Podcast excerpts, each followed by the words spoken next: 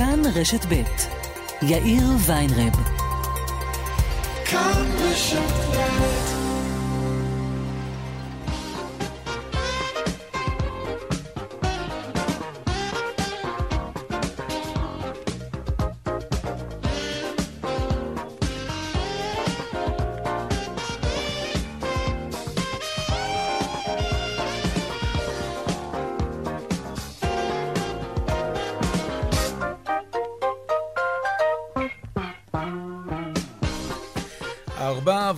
חמש דקות, כאן צבע הכסף ברשת ב', יום ראשון. שלום רב לכם, שבוע טוב. העורך רונן פולק, המפיקה היום עירונית גור אריה. טכנה השידור שלנו הוא חיים זקן, הדועל של צבע הכסף הוא כסף. כרוכית כאן.org.il אפשר ליצור קשר גם בדף הפייסבוק שלנו, כאן ב'. אני יאיר ויינרב, מעכשיו עד חמש אנחנו מיד מתחילים.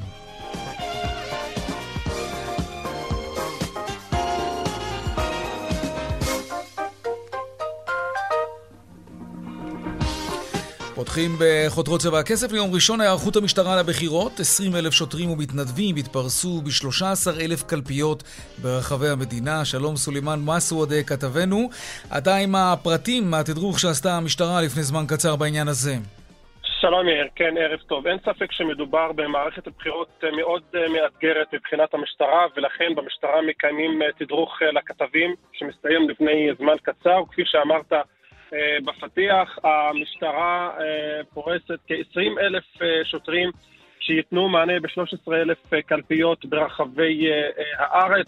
אנחנו מדברים על שוטרים ממשמר הגבול, שוטרי תגבור מהמטה הארצי וגם מתנדבים. אחד הדברים המעניינים, יאיר, שנאמר בתדרוך, שלאור ניסיונות העבר, ניסיונות המשטרה, היא אה, דרגה באישור המפכ"ל קלפיות, כלומר אם אני אנסה להקביל את זה למשהו מוכר מהעולם שלנו, זה נגיד הרמזור.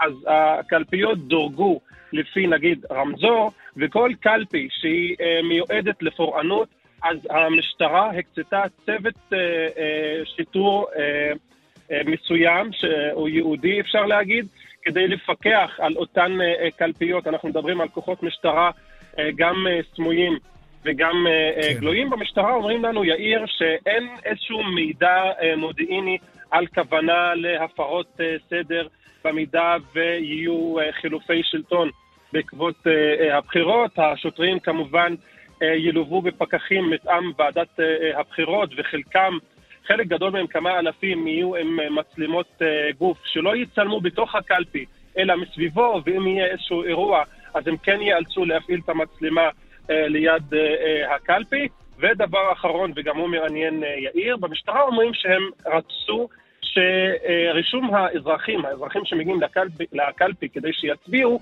יהיה דרך תעודת זהות ביומטרית. אותה תעודת זהות שאנחנו מכירים mm-hmm. מהשנים כן. האחרונות, אבל מכיוון שלהרבה אזרחים אין את, את אותה תעודת זהות, זה לא יתאפשר, אבל לא מן הנמנע שנראה את זה בשנים הקרובות. כנראה. סולימאן מסעודה, כתבנו בירושלים, תודה רבה על העדכון הזה. תודה. עכשיו לפסיקה התקדימית. בית הדין לעבודה קובע היום רשות מקומית רשאית למנוע כניסה למוסד חינוכי מאיש הוראה שמסרב להתחסן או מסרב לבצע בדיקות קורונה בתדירות גבוהה. פסק הדין ניתן בתביעה שהגישה סייעת בבית הספר נוף צורים בצור יגאל נגד החלטת המועצה המקומית שלא לאפשר את כניסתה למוסד החינוכי עד שהיא תתחסן או תסכים להיבדק בדרך קבע. מיד אנחנו נרחיב בהחלטה המעניינת הזאת, המטרידה לא מעט הורים לילדים שחוששים לשלוח את הילדים שלהם למוסדות החינוך, ומטרידה גם כל מי שלא רוצה להתחסן וחושש לאבד את מקום עבודתו בגלל זה. עלייה במספר התיקים שנפתחו בהוצאה לפועל זה לא מפתיע, שנה של מגפה הכניסה הרבה מאוד אנשים למצוקה כלכלית שמונעת מהם להחזיר חובות. בכל זאת, המספרים שמפרסמת היום הרשות, רשות האכיפה והגבייה, מציירת לנו את התמונה עד כמה המצב באמת הידרדר. שלום דנה ירקצי, כתבת התחום הכלכלי שלנו. שלום יאיר. אז אה, אכן אה, עלייה של 4% במספר התיקים אה, שנפתחו בהוצאה לפועל, כך עולה מדוח שמפרסמת רשות האכיפה והגבייה לשנת 2020.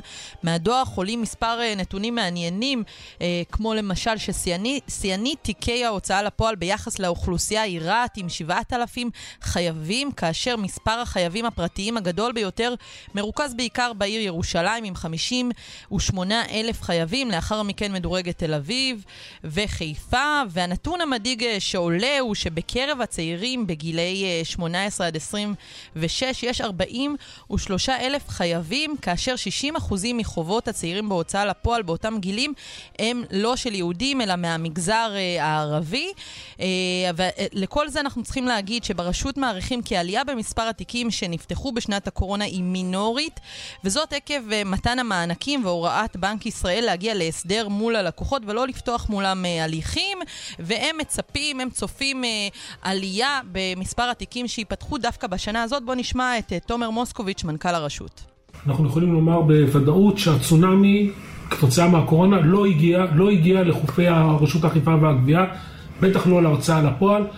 הגידול במספר פתיחת התיקים הוא קטן מאוד, כ-4%, והגידול במספר החייבים הוא ממש זניח, 0.1% בלבד.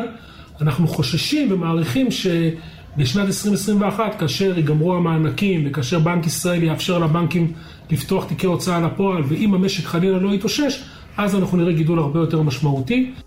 טוב, נקווה שהמשק יתאושש הרבה יותר מהר והרבה יותר טוב ממה שאנחנו מדמיינים, ואז התחזית הזאת לא, לא תתגשם בסופו של דבר. דנה ירקצי, כתבת התחום הכלכלי שלנו, תודה רבה. תודה. עוד בצבע הכסף בהמשך, מהיום בתי עסק רשאים להציב עמדות לבדיקה מהירה בעבור מי שלא מחוסן, וגם בשביל ילדים שעדיין לא מחסנים, אלא שמסעדות, בתי קפה וגם אטרקציות תייר... תיירותיות, כן? לא מתכוונים להציב עמדות כאלה שהן בהן כדאיות כלכלית. אנחנו נעסוק בזה עוד מעט. ועוד בהמשך, השמיים נפתחים אחרי ביטול מכסת הנוסעים הנכנסים לישראל, שעמדה עד, אה, עד היום, עד אתמול בחצות, על 3,000. איך נראה לוח הטיסות בנמל התעופה בן גוריון? נדבר כאן עם מנכ"ל ישראייר. וגם אולימפיאדה ללא קהל. הוועדה המארגנת של המשחקים האולימפיים בטוקיו הודיעה שצופים זרים לא יורשו להיכנס ליפן בזמן המשחקים. עוד נאמר בהודעת הוועדה המארגנת כי רוכשי הכרטיסים יפוצו. איך יפוצו? נדבר על כך. והדיווחים משוגי הכספים לקראת סוף השעה, אלה הכותרות, כאן צבע הכסף. אנחנו מיד ממשיכים.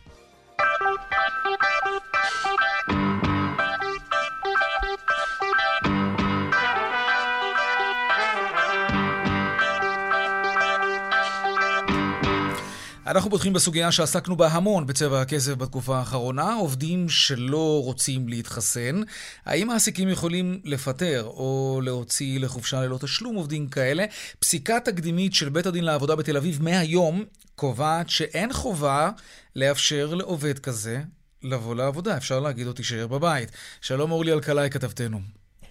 שלום יאיר, נכון, הפסק דין שהיום אה, פוסקת אה, ונותנת אותו השופטת מירב אה, קלמן בבית הדין האזורי לעבודה בתל אביב, קובע בפסיקה תקדמית כי זכותה של סייעת, או של כל עובד מן הסתם, שלא להתחסן נגד, נגד קורונה ולהיבדק, לא גוברת על הזכות לדאוג לרווחת התלמידים, ההורים, והצוות החינוכי.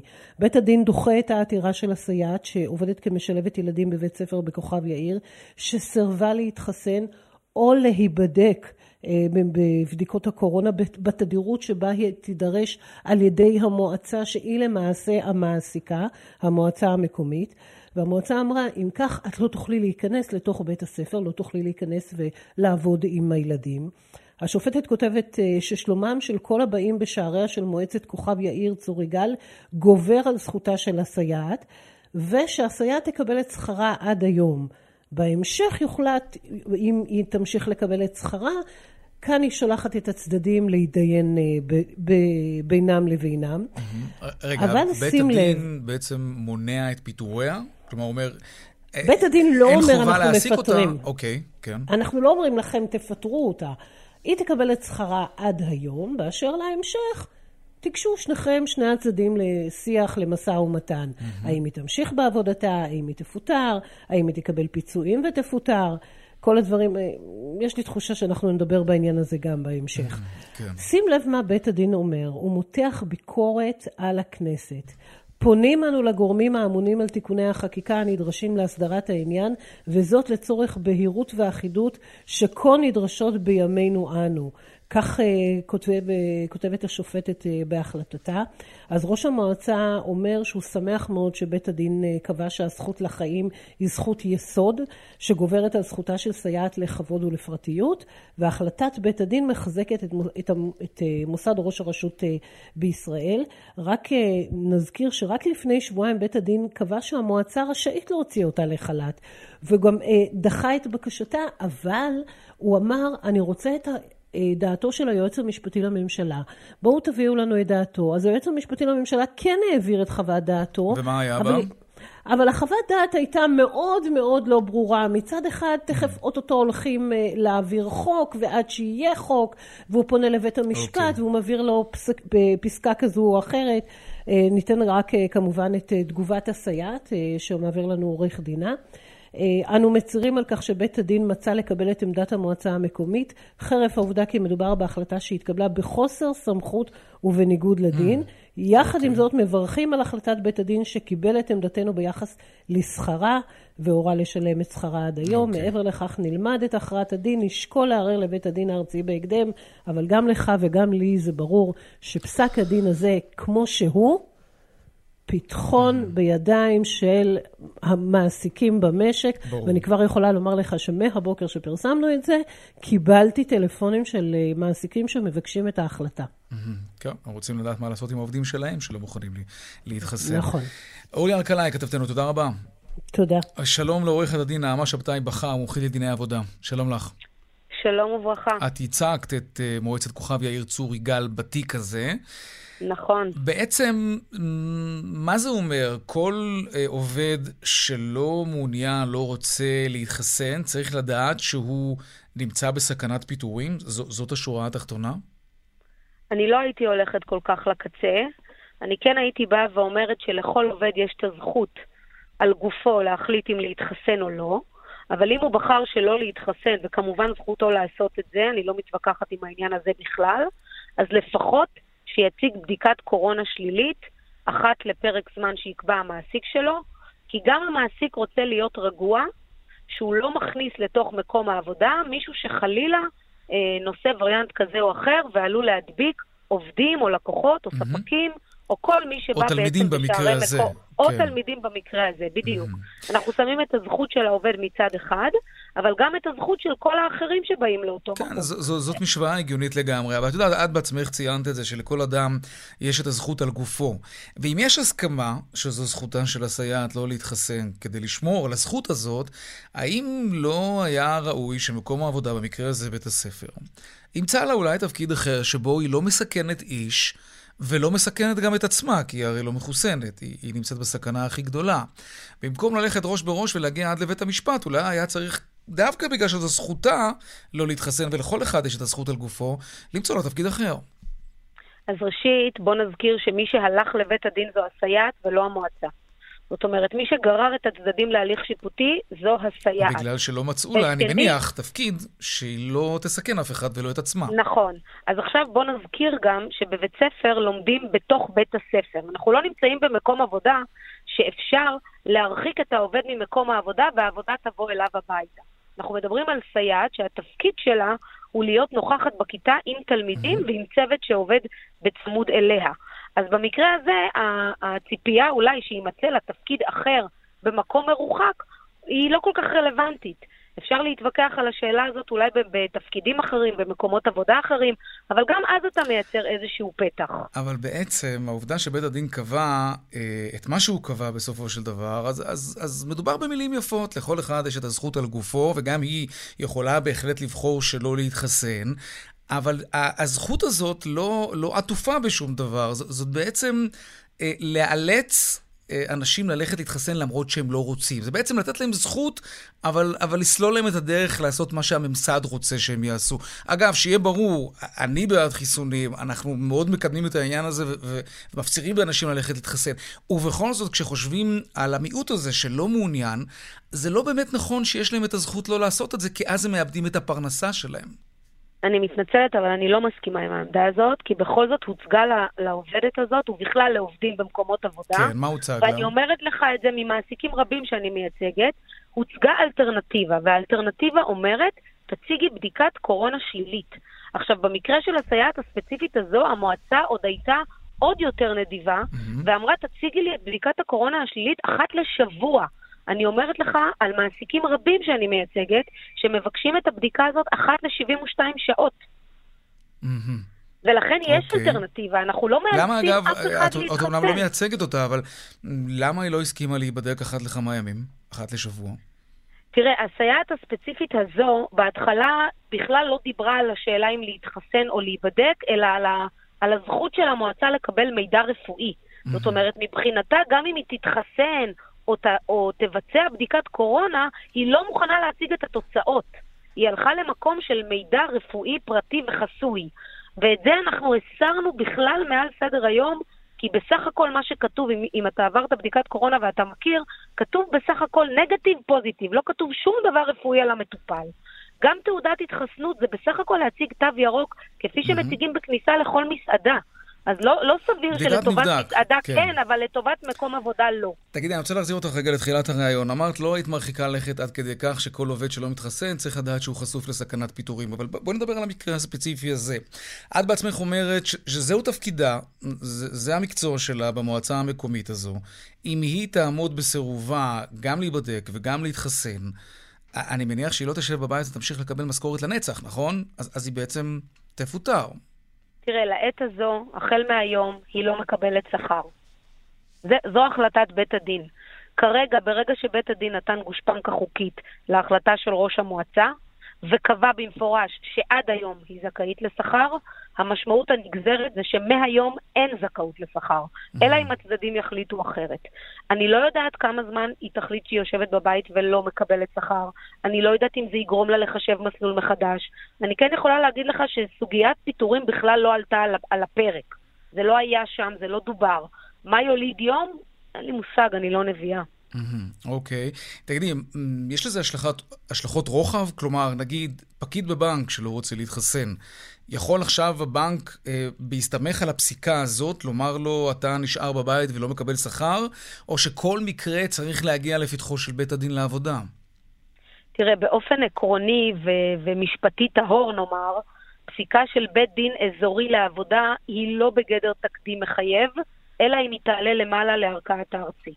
מצד שני, כרגע, כל עוד אין פסיקה אחרת, מעסיקים בהחלט יכולים להסתמך על זה, עם, אה, בוא נקרא לזה, נורת אזהרה קטנה בצבע אדום, שאולי בית הדין הארצי יהפוך את ההחלטה mm-hmm. אם הסייעת תחליט להגיש ערעור. אני לא יודעת כרגע מה... אני שמעתי שעורכי דינה בוחנים ושוקלים, אני לא יודעת מה הם יחליטו, אז יש מין נקודה כזאת אדומה קטנה מהבהבת. אוקיי. Okay. העובדה, השאלה האחרונה, העובדה שבית הדין אה, קבע שלצד הפסיקה הזאת של הממשלה להסדיר את העניין הזה בחקיקה, מה, מה זה בדיוק אומר? תראה, אני חושבת שיש שם מין אמירת ביקורת. אה, כי בכל זאת ניתנה ליועץ המשפטי לממשלה ההזדמנות גם להתייצב בהליך וגם להשמיע את עמדתו. אה, הוא הודיע שהוא מתייצב בהליך, אך לא הציג איזושהי עמדה רשמית. אלא את חוות הדעת של דוקטור שרון אלרועי פרייס. אז אני חושבת שיש שם אמירת ביקורת זהירה וככה אה, מדודה. אבל מחייבת, כלומר, אנחנו נראה בקרוב חוק שמסדיר את העניין הזה לגבי אנשים שמסרבים להתחסן, מה בדיוק המעמד שלהם, מה הסטטוס שלהם במקום העבודה כל עוד הם מתעקשים לא להתחסן? בית הדין לא יכול לקבוע למחוקק שהוא מחויב אה, לחוקק חוקים כאלה אחרים. אין סמכות כזו לבית הדין. הוא כן יכול להגיד מהי הציפייה שלו. Mm-hmm. זאת הציפייה. Okay. אוקיי. אפשר לממש אותה ואפשר גם לאכזב את בית הדין. עורך הדין נעמה שבתאי בחר, מומחית לדיני עבודה, ומי שייצגה את מועצת כוכב יאיר צור יגאל במקרה המאוד מסקרן הזה, חיכו הרבה זמן לפסק הדין כדי להבין באמת איפה אנחנו עומדים. תודה רבה לך על השיחה הזאת. תודה רבה. עכשיו אה, אנחנו נדבר על הבדיקות המהירות. החל מהיום, בתי עסק, מסעדות, מועדונים, אה, מוסדות תרבות, יכולים להציב עמדות בדיקת קורונה מהירות בכניסה לבית העסק. המשמעות זה שתתאפשר כניסה של קהל שלא יכול היה להיכנס למקומות האלה עד היום, כמו ילדים או מי שבחר שלא להתחסן. אה, זה כמובן בתנאי שהבדיקה המהירה הזאת יוצאת שלילית, כן? שלום, שוב שלום, דנה ירקצי, כתבת התחום הכלכלי שלנו. שלום יאיר. הייתה תרעומת מאוד גדולה של בתי עסק סביב המימון של הבדיקות האלה. נכון. מה המצב בשטח? נכון, אה, היה עיכוב של משרד הבריאות בנושא הזה, בייחוד מול העסקים, אה, במתווה אה, הבדיקות המהירות, והוא יוצא היום לדרך, מה שיכול לתת מענה לכשני מיליון ילדים שלא התחסנו, להיכנס לאירועי תרבות, ספורט, מסעדות ועסקים, וציפינו לראות עסקים שמפעילים את המתווה הזה היום, אלא שבשטח נראה כי אין היענות של עסקים ומסעדות להכיל את המתווה אצלם. היום למשל יש יש משחק בשעה שש בערב בליגת העל בכדורסל בין בני הרצליה מול הפועל ירושלים בהרצליה. שם לראשונה יוכלו להיכנס כ-50 אנשים, ילדים ולא מחוסנים, לאחר שרכשו במקביל לכרטיס הכניסה גם בדיקה שעלותה מוערכת אה, בין 50 אה, שקלים ל-70 שקלים, אה, כאשר מחיר זה הוא לאחר סבסוד של הקבוצות. אז במקרה הזה אנחנו רואים את אה, המינהלת ואת אה, הקבוצות הספורט אה, עומדות מאחורי אה, היוזמה. היוזמה הזאת, אבל עסקים קטנים, מסעדות, לא רוצות לקחת על עצמם את המתווה הזה. בואו נשמע את שגיא יניב, מנהל השיווק של חברת הבדיקות סופיה. תראי דנה, ליבי איתם, באמת. דיברנו עם מאות עסקים שמתקשרים אלינו כל יום. הם לא מזמינים עדיין את הבדיקות המהירות, כי הם לא מסוגלים לממן את זה בעצמם, לספוג את העלות הזאת, או חס ושלום להפיל את זה על ההורים המסכנים. אנחנו ממש, אה, ממש מבינים אותם. מי כן התעניין? דווקא חברות גדולות יותר, עם תקציבים גדולים יותר, שבאמת יכולים גם את כל המתווה הזה, את כל המערך הלוגיסטי המסובך הזה, דווקא הם כן מתעניינים. Mm-hmm. העסקים הקטנים נופלים בין הכיסאות, וחבל. נו, ברור, כן, זה באמת חבל, אבל רק מי שיכול להרשות לעצמו, נכון. מזמין את השירות החשוב הזה. מסעדות ועסקים. להגדיל את הפעילות העסקית. כן. אין היענות כי יש חוסר כדאיות כלכלית, mm-hmm. כך שלא בטוח עד כמה המתווה הזה okay. אוקיי. יעיל, ויש לו התכנות בשטח, למרות התכנון של משרד הבריאות. וצריך לציין, בהרבה מן המסעדות בכלל לא בודקים מתווה ירוק בכניסה, כך שלא ברור למה שמישהו שלא בודק בכלל מתווה ירוק, יביא גם בדיקות ויבדוק את האנשים בכניסה. כן. כל הדבר הזה לא בטוח ולא לא ברור עד כמה המתווה הזה ישים. דנה ארקצי, כתבת התחום הכלכלי שלנו, תודה רבה. תודה. עדיין בעניין הזה שלא מופיע אופיר קליין, מנכ"ל BD ישראל, שלום לך. אחר צהריים טובים, יאיר. כמה בתי עסק כבר הזמינו את השירותים שלכם לבדיקות מהירות? אז אני יכול להגיד לך שאנחנו סגרנו עם אה, מספר אה, רשתות בתי מלון, יש לנו מספר מקומות עבודה משמעותיים, אה, גופים גדולים, עסקים קטנים זה ממש לא שמה. כמה בדיקות כאלה, כמה בדיקה כזאת עולה? כמה? בדיקה כזאת עולה עשרות שקלים, והמחיר יורד עם הכמויות. מה זה עשרות? 30 או 80? לא, אז, אז זה לא 20 מטר 80, זה הרבה פחות מזה. אה, אני חושב שיאיר צריך להבין רגע, פה... רגע, כמה? בוא, בוא נשים את ה... בשבילך אנחנו, זה מתחיל, זה מתחיל ב-50 ש"ח. מה זה מתחיל? מה, זה, מה זאת אומרת מתחיל? למה זה לא מחיר אחיד? אם אתה רוצה בבדיקה 1, 2, 10 זה מחיר אחד, אם אתה רוצה לעשות 1,000 בדיקות זה מחיר אחר, כמובן. אוקיי, בסדר. באופן טבעי. אבל אני חושב שצריך להבין ולהבחין בין בדיקה לבין הבדיקה והדיגום. כי בעצם נוהל משרד הבריאות מדבר על צורך לעשות דיגום, ולא כל אחד יכול לעשות דיגום. זאת אומרת, אם בעל מסעדה אה, או בעל עסק, משחקייה, רוצה אה, בעצם לעשות בדיקות מהירות בכניסה, הוא לא יכול לבדוק אותם בעצמו, הוא לא יכול לבקש מההורים לבדוק. הוא צריך להחזיק איש צוות רפואי, לפי נוהל משרד הבריאות, שיבצע את הבדיקות. זה איש שלכם, או שהוא צריך להעסיק בנפרד? הוא יכול להיות איש שלנו, זה יכול להיות איש שלו. יש לנו, mm. לנו לקוחות... זאת הוצאה נוספת כמובן, זה לא רק הבדיקה עצמה. נכון, זו הוצאה נוספת, ושוב, אם יש אה, לצורך העניין במשחק כדורסל או בהופעה גדולה, אתה יודע שאתה עושה 200 בדיקות, אז יודע, זה עלות אחת. אם אתה מביא איש צוות לבדוק עשרה ילדים, אז כמובן זה עלות אחרת. אוקיי, טוב, אה, אה, הצלחתי להבין את איך שאפיינת את בתי העסק שחתמו איתכם על חוזה. אז אתה מדבר באמת על עסקים. אתה יודע מה, בוא נשמע את עופר קורן, שותף ובעלים ברשת לנדבר, שזה לא עסק קטן, כן? זו רשת גדולה ומוכרת נכון. וותיקה, בשיחה נכון. איתנו לפני כמה ימים, הנה. אה, בדיקה כזאת אמורה לעלות, אה, אני עוד לא מבין את המספר הסופי, בין 67 ל-80 שקלים. זאת אומרת, שני הורים שמתחסנים עם uh, תו ירוק, מגיעים עם ארבעה ילדים, בואו נעשה את המתמטיקה, צריך לשלם, uh, העלות שלהם בכניסה למסעדה לא תהיה, לא תהיה מעל 300 שקלים. כן. אנחנו לא נוכל לקבל את הכסף חזרה, לא רק בברייק איבן, זאת אומרת, כל שולחן כזה אנחנו נצטרך להוציא מהכיס 100 או 150 שקלים, רק כדי לתת להם את הזכות. טוב, זה באמת uh, לא הגיוני, אופיר. נכון. ממה שאתה יודע, בעסקים שבכל זאת חתמתם איתם על חוזה, חתמו איתכם על חוזה, מי נכון. מממן את זה? הציפייה של אותם עסקים זה שהציבור שבא אליהם יממן את זה, או שהם מממנים את זה בעצמם? אז זה מתחלק. יש, יש, יש עסקים שבעצם ישפו את המחיר על, על הלקוח עצמו. תראה, כשאתה הולך לצורך העניין, בוא ניקח את פסח, בסדר? אנשים הולכים לחופשה עם הילדים במלון בפסח, גם ככה משלמים ל-1,000, 1,500, 2,000 שקל ללילה. עוד, עוד עלות של כמה עשרות שקלים, אפילו 100 שקל, היא לא, היא לא, היא לא משמעותית בתוך ההוצאה הגדולה הזאת. כן, ללכת לבית קפה ולאכול ארוחת בוקר ב-40 ש"ח. זה מבאס, מה, זה, זה לא הגיוני. זה לא סביר, אבל יש פה פתרון, אני חושב. אתה יודע, הילדים לא נבדקים. הילדים לא מחוסנים כרגע, אני מאוד מקווה שזה יקרה בקרוב, הם לא מחוסנים עדיין. יש פתרון וזה לעשות screening לילדים בבתי הספר. ואני חושב שאם יעשו את ה screening לילדים בבתי הספר, אותה בדיקה שהילד יעשה בבוקר, ובאמצעותה הוא יוכל להיכנס ולדעת שילד נקי מקורונה, יכולה גם לשמש אותו אחר הצהריים, שהוא הולך עם ההורים שלו למסעדה או למשחקיה או לכל עסק אחר. זה מצוין, כן... אבל מה לגבי הבדיקה שלכם? נגיד נכנסתי לבית קפה בבוקר, נבדקתי, יצאתי בריא, אני ממשיך עם הבדיקה הזאת הלאה, אני יכול להיכנס לבית קפה גם בערב עם אותה בדיקה? אז הבדיקה שלנו, ה-VD וריטור, זה כרגע, אם היא נותנת מענה, זאת אומרת, היא נותנת מענה למצות אנטיגן של אה, הווירוס, אה, אה, וירוס הקורונה. אה, והדבר הזה הוא מאוד משמעותי. עכשיו, שוב, אנחנו יכולים להוציא אישור, אנחנו יודעים להוציא את זה בכתב, אה, יש פה עוד הרבה שאלות אה, של התממשקויות למשרד הבריאות ול, ולאפליקציה ולתו הירוק. כן, זה לא, אם, אם, אם אתה נבדק בבוקר, זה לא סביר אה, שאחר הצהריים אתה תידבק. אבל אני מקבל איזשהו אישור, איזשהו... הבדיקה שאנחנו היחידים בעצם, כל הבדיקות היום זה בדיקות שבעצם עושים אותן עם סטיק פלסטיק כמו בדיקת הריון פשוטה. אנחנו הבדיקה היחידה שיכולה להתממשק למדפסת.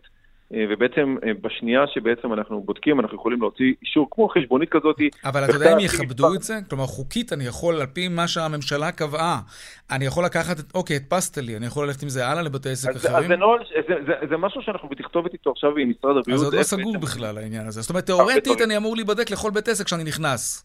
נכון, כן. נכון, mm, נכון. זה גם כזה, חבל שזה לא סגור. זה מגוחך. אה, אה, כן, אני חושב אבל תגיד, איך זה עובד? אני בא, ומה, יעמוד איש שלכם, או איש רפואי אחר, נכון, שאותו עסק, נכון. אז, אז אצלנו בבדיקות ה-VD וריטור, אנחנו חברנו לכמה חברות שעושות דיגום, כמו קבוצת לפידות, ובעצם הפציינט, הפציינט, הנבדק, או העסק מזמין אותנו. בסופו של דבר אני אומר פציינט כי אנחנו חברה קלינית עם הרבה מאוד... כן, כן, אוקיי, זה סוג של פציינט. לפני שאני הופך להיות לקוח, אני פציינט. אוקיי. הלקוח, הלקוח לצורך העניין מזמין אותנו, אנחנו מגיעים עם עמדה, עם כל מה שצריך. איש צוות רפואי מוכשר. אבל מה, זה מטוש? זה מה, איך זה עובד במקרה שלכם? מטוש, כן, יש מטוש שבעצם עושים בדיקה בשתי הנחירה. 15 דקות? בכל נחיר. לאחר מכן אנחנו ממצים את מה שהוצאנו מהנחיר, מטפטפים את זה על קסטה. ממש מעורר תיאבון. אוקיי, רגע, אבל איזה, אוקיי, כמה זמן זה לוקח עד שמקבלים תוצאה? עד 15 דקות. עד 15 דקות. טוב, בסדר, כן. זה זמן ש... כשמחכים זה הרבה זמן, אבל תכל'ס זה לא. כן, אני, אני חושב שעוד מילה אחת כן. בהקשר הזה, מאוד חשוב.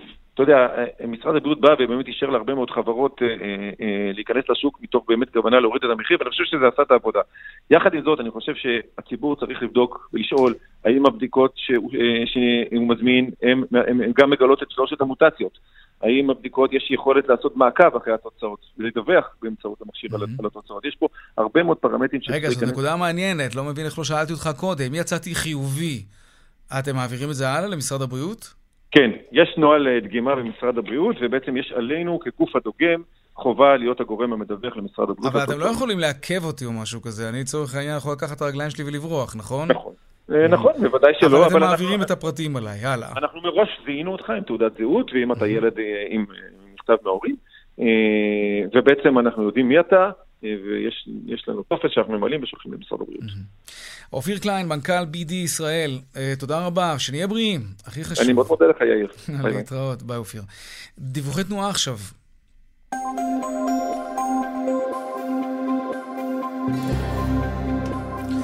בדרך 6 לכיוון צפון יש עומס ממחלף נשרים עד בן שמן וממחלף קסם עד מחלף אייל וגם ממחלף עירון עד יוקנעם. בדרך 90 יש חסימה לתנועה מצומת פארן עד צומת מנוחה בשני הכיוונים בגלל תאונת דרכים. סעו בזהירות.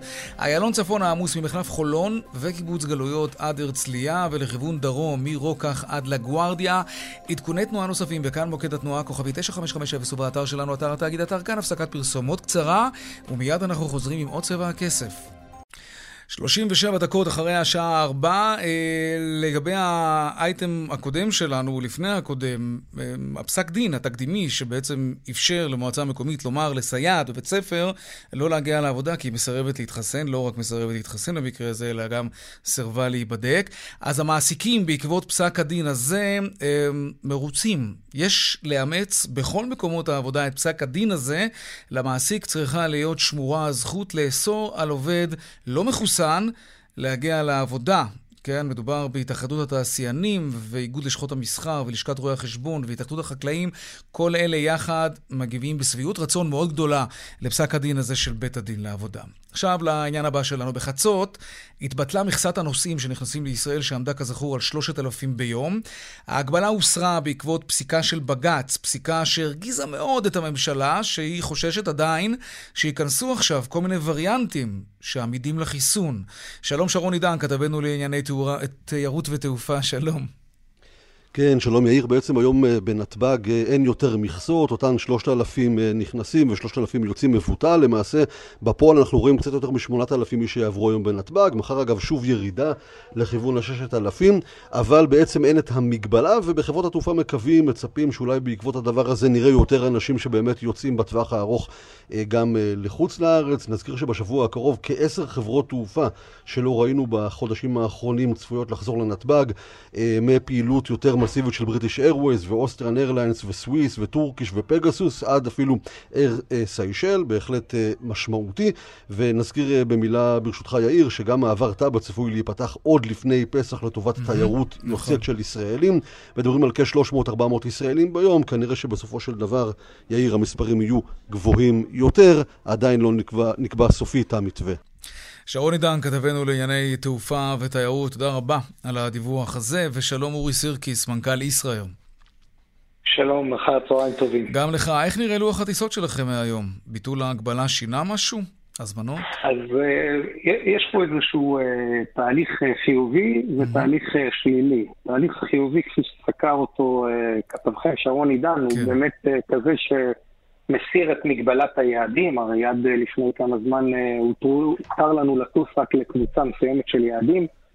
אה, אין ועדת חריגים, וישראלי שמקום מגורי הקבע שלו לא היה בישראל ולא היה רשאי עד היום לבוא לישראל, אז רמת הגמישות שלו היום יותר גבוהה. נכון. יש הרבה יותר חברות זרות שפעילות בנתב"ג. יש גמישות אה, באמת אה, במפה הכוללת. אלה החדשות הטובות. החדשות הפחות טובות זה שהמדיניות הקשורה בריחוק החברתי בנתב"ג עדיין אה, נשמרת, היא עומדת על שני מטרים, ואת המדיניות הזאת מתווה משרד הבריאות. ובמדיניות חברתית של אה, ריחוק של שני מטרים, יכולים לעבור בנתב"ג לא יותר מעשרת אלפים איש ביום. עכשיו, מה זה אומר עשרת אלפים איש אה, ביום?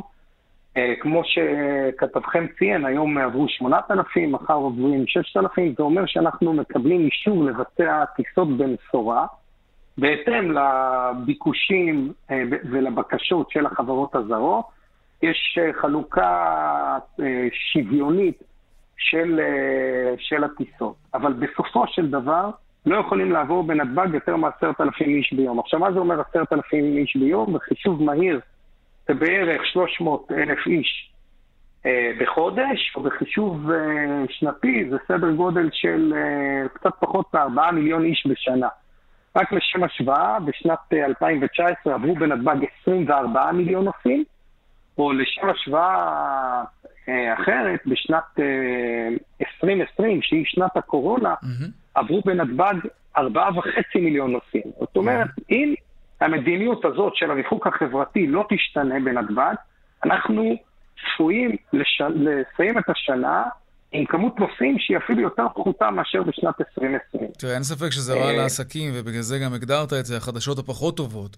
אבל אולי זה נכון, בעצם חדשות טובות, כי... רגע, שנייה, כן. אורי, אולי זה כן חדשות טובות, כי זה אומר שאנחנו עושים את הכל לאט, עם שיקול דעת, עם הזהירות המתבקשת, כי בכל זאת, בנמל התעופה בן גוריון מגיעים אנשים ממקומות אחרים בעולם, שאנחנו לא באמת יודעים תמיד מה מצב התחלואה שם. אז, אז אולי משנה זהירות זה דווקא דבר חשוב בעת הזאת. לאט לאט. קודם כל, משנה זהירות זה תמיד אה, דבר אה, חשוב. נתב"ג ערוך ומוכן ויכול לקלוט הרבה יותר נוסעים, משום שיש לו מערך בדיקות מאוד משמעותי. וצריך לזכור דבר אחד, שיש כאן הרבה מאוד משפחות שמתפרנסות באירוע הזה, ויש כאן הרבה מאוד עובדים גם בנתב"ג, וצריך לזכור שהמצב הגירעוני הזה לא, לא מאפשר לקיים לא את נתב"ג ולא את החברות הישראליות, והפתרון לכך הוא פתרון מאוד מאוד פשוט, וזה מערך בדיקות מסיבי בנתב"ג, שיאפשר לכל אותם האנשים שחוזרים מחו"ל, על אף העובדה שהם מחוסנים, לבצע בדיקת PCR. עכשיו, רק ניקח לשם השוואה, אם אנחנו נקלוט מחר 100 עובדים נוספים למערך הבדיקות בנתב"ג ונשלם לכל עובד 10,000 שקל, כך שגם תהיה לו מוטיבציה לבוא ו... ולעבוד, אז כתוצאה מכך אפשר יהיה להכפיל את כמות הטיסות, רמת ההכנסה של נמל התעופה תגדל בצורה מאוד משמעותית. וגם היכולת שלנו לשרוד תעלה שבעתיים. כרגע... טוב, במקרה הזה הכתובת זה רשות שדות התעופה, אני מניח לא, ש... לא, הכתובת היא, היא, אה, מלחמה פוליטית שקיימת בין אה, משרד הבריאות לבין משרד התחבורה, כאשר משרד התחבורה מנסה להוביל קו מסוים, משרד הבריאות מתנגד לו. ואנחנו מאוד אה, מקווים שהסינכרון הזה והתוצאה שלו תהיינה... אה, יאפשר לייעל את העסק הזה, כי אפשר לייעל נכון. לפי איך שאתה מתאר את זה. תגיד, בכל זאת, אילו יעדים כן פתוחים עכשיו לתייר ישראלי שרוצה לטוס? אפשר לטוס אה, היום לפריז ולא להיכנס שם לבידוד, לזנזיבר, לגיאורגיה, למונטנגרו, לאלבניה, לסרביה, לקייב. אה, לדובאי, לפרנקפורט. אה, ואיך הביקושים? אנחנו רואים הזמנות ליעדים האלה? אז שמעת כרגע את אה, הביקושים. כאשר נאמר שהיו עוברים היום בנתב"ג 8,000 איש, זה אומר ש-4,000 איש פחות או יותר יוצאים, ו-4,000 נכנסים. בהנחה שיש סדר גודל של 40 טיסות היום בנתב"ג, זה אומר שעל כל טיסה בממוצע יש 100 איש, זה אומר שיש הרבה טיסות, והרבה מאוד הפסדים.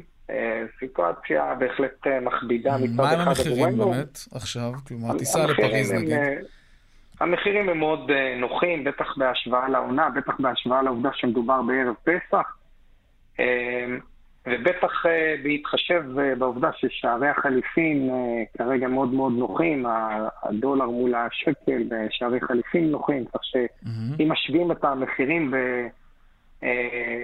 בהשוואה לעונה המקבילה, לא ב-2020, כי שם היינו בסגר מוחלט, נכון. אז אה, מדובר בירידה דרמטית של המחיר הממוצע, אני מעריך אה, בסדר גודל של 30 אה, ואולי אפילו אף יותר אחוזים. 30, 40, 50 אחוז.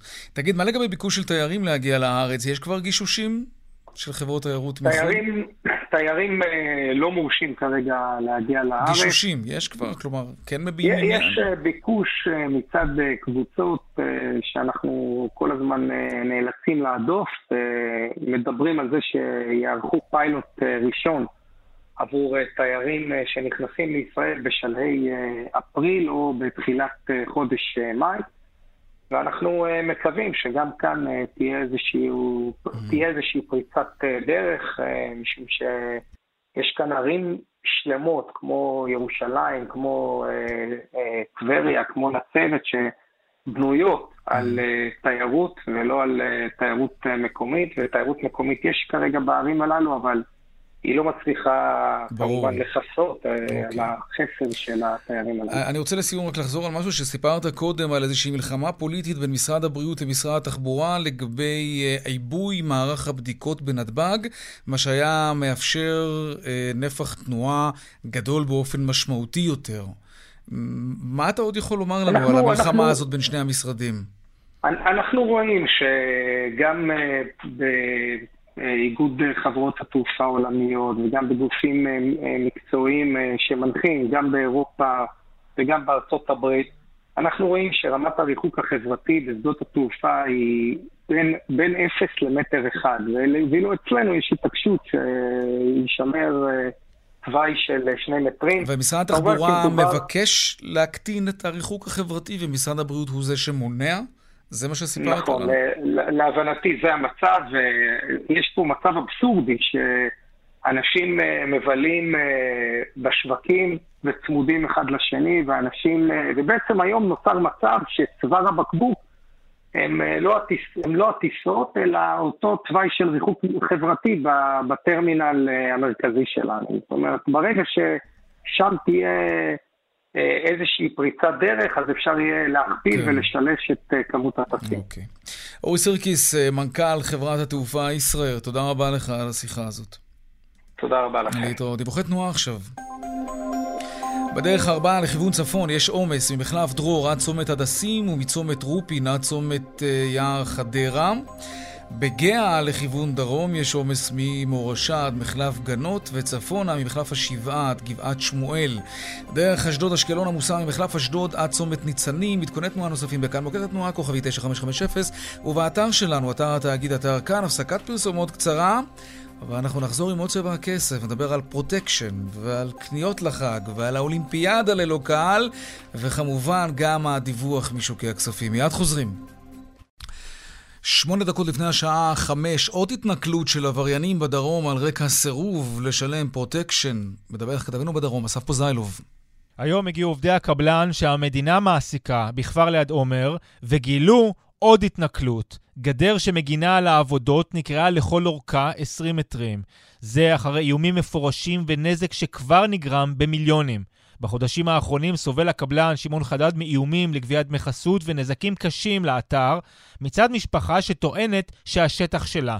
צחוק הגורל, הוא עובד בשם המדינה כדי להכשיר מגרשים לבנייה עבור המגזר הבדואי בכפר אום אל-בטין, ואומר, אנחנו זועקים לעזרה. ממררים לנו את החיים שלנו, והפכו את החמישה, חצי שנה האחרונה הזאת לבית קברות. לפני ארבע-חמישה חודשים זה התחיל בדברים קטנים, לפני חודש גנבו לנו ציוד במיליוני שקלים, יום שבת האחרון עקרו לנו במזיד אה, וגנבו לנו מעקות שהותקנו.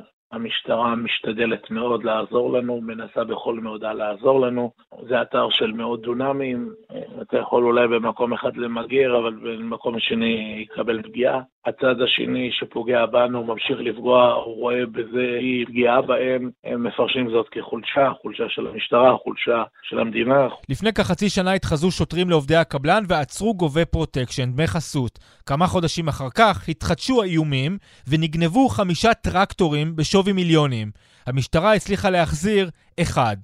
ובאותו נושא, בצהריים הגיע לבית המשפט המחוזי אריה שיף, שירה למוות בפורץ לפני ארבעה חודשים בערד. הוא הגיע כדי לומר את תגובתו לכתב האישום. שיף אמר כי הוא נבוך ונרגש מהתמיכה שהוא מקבל. הנה בנו, בן. מבחינתי כתב האישום הזה לא צריך להיות מוגש, אבא שלי הגן על עצמו, הגן על אמא שלי. וכל הסיפור הקפקאי הזה שהחל מאז, הכניס לנו למערבולת שלמה. זה לא פשוט, אבא שלי כואב את האירוע, הוא אדם אה, מאוד ערכי, זה ממש לא מתאים לסולם הערכים שלו, וקשה לו להכיל את זה. שיב טוען, חשתי סכנה לחיי ולחיי אשתי. במקום הייתה חוליה של שלושה פורצים לפחות, חמושים בכלי פריצה כבדים מברזל. שאר חברי חוליית הפורצים עדיין לא נתפסו. שלום רונן מנחם, כלכלן ראשי מזרחי טפחות. שלום יאיר. שוט. יש לנו עוד יומיים לבחירות, וגם משהו בעינה של המתנה. תל אביב 35 ירד שבע מאיות, תל אביב 90 עלה עשירית אחת, מחזור המסחר היה נמוך, בלטו בעליות ענפי הסקטורים הבנייה והנדל"ן, מנגד ירדו חברות אה, הנפט אה, והגז. שוב תקרות החוב היום ללא שינוי, תל אביב שקלי, תל אביב צמוד אפס, ממש ללא שינוי. וישר לדולר יורו? ישר הדולר יורו, כן. שקל דולר, 10 שקלים, 28 אגורות ותשע עשיריות. אוקיי. אה, יום ראשון הבא הבופת תהיה סגורה לרגל הפסח, אבל אני מכאן מאחל לכולכם ולצוות חג שמח. תודה רבה. רונן מנחם, סליחה, אני מתנצל. תודה רבה. עד כאן צבע הכסף, רונן פולק, אה, רונית גור אריה, שמעון דוקרקר, חיים זקן, אהוד כהן ויאיר ויינרם, נשתמע כאן שוב מחר בארבעה אחר הצהריים. שלום שלום.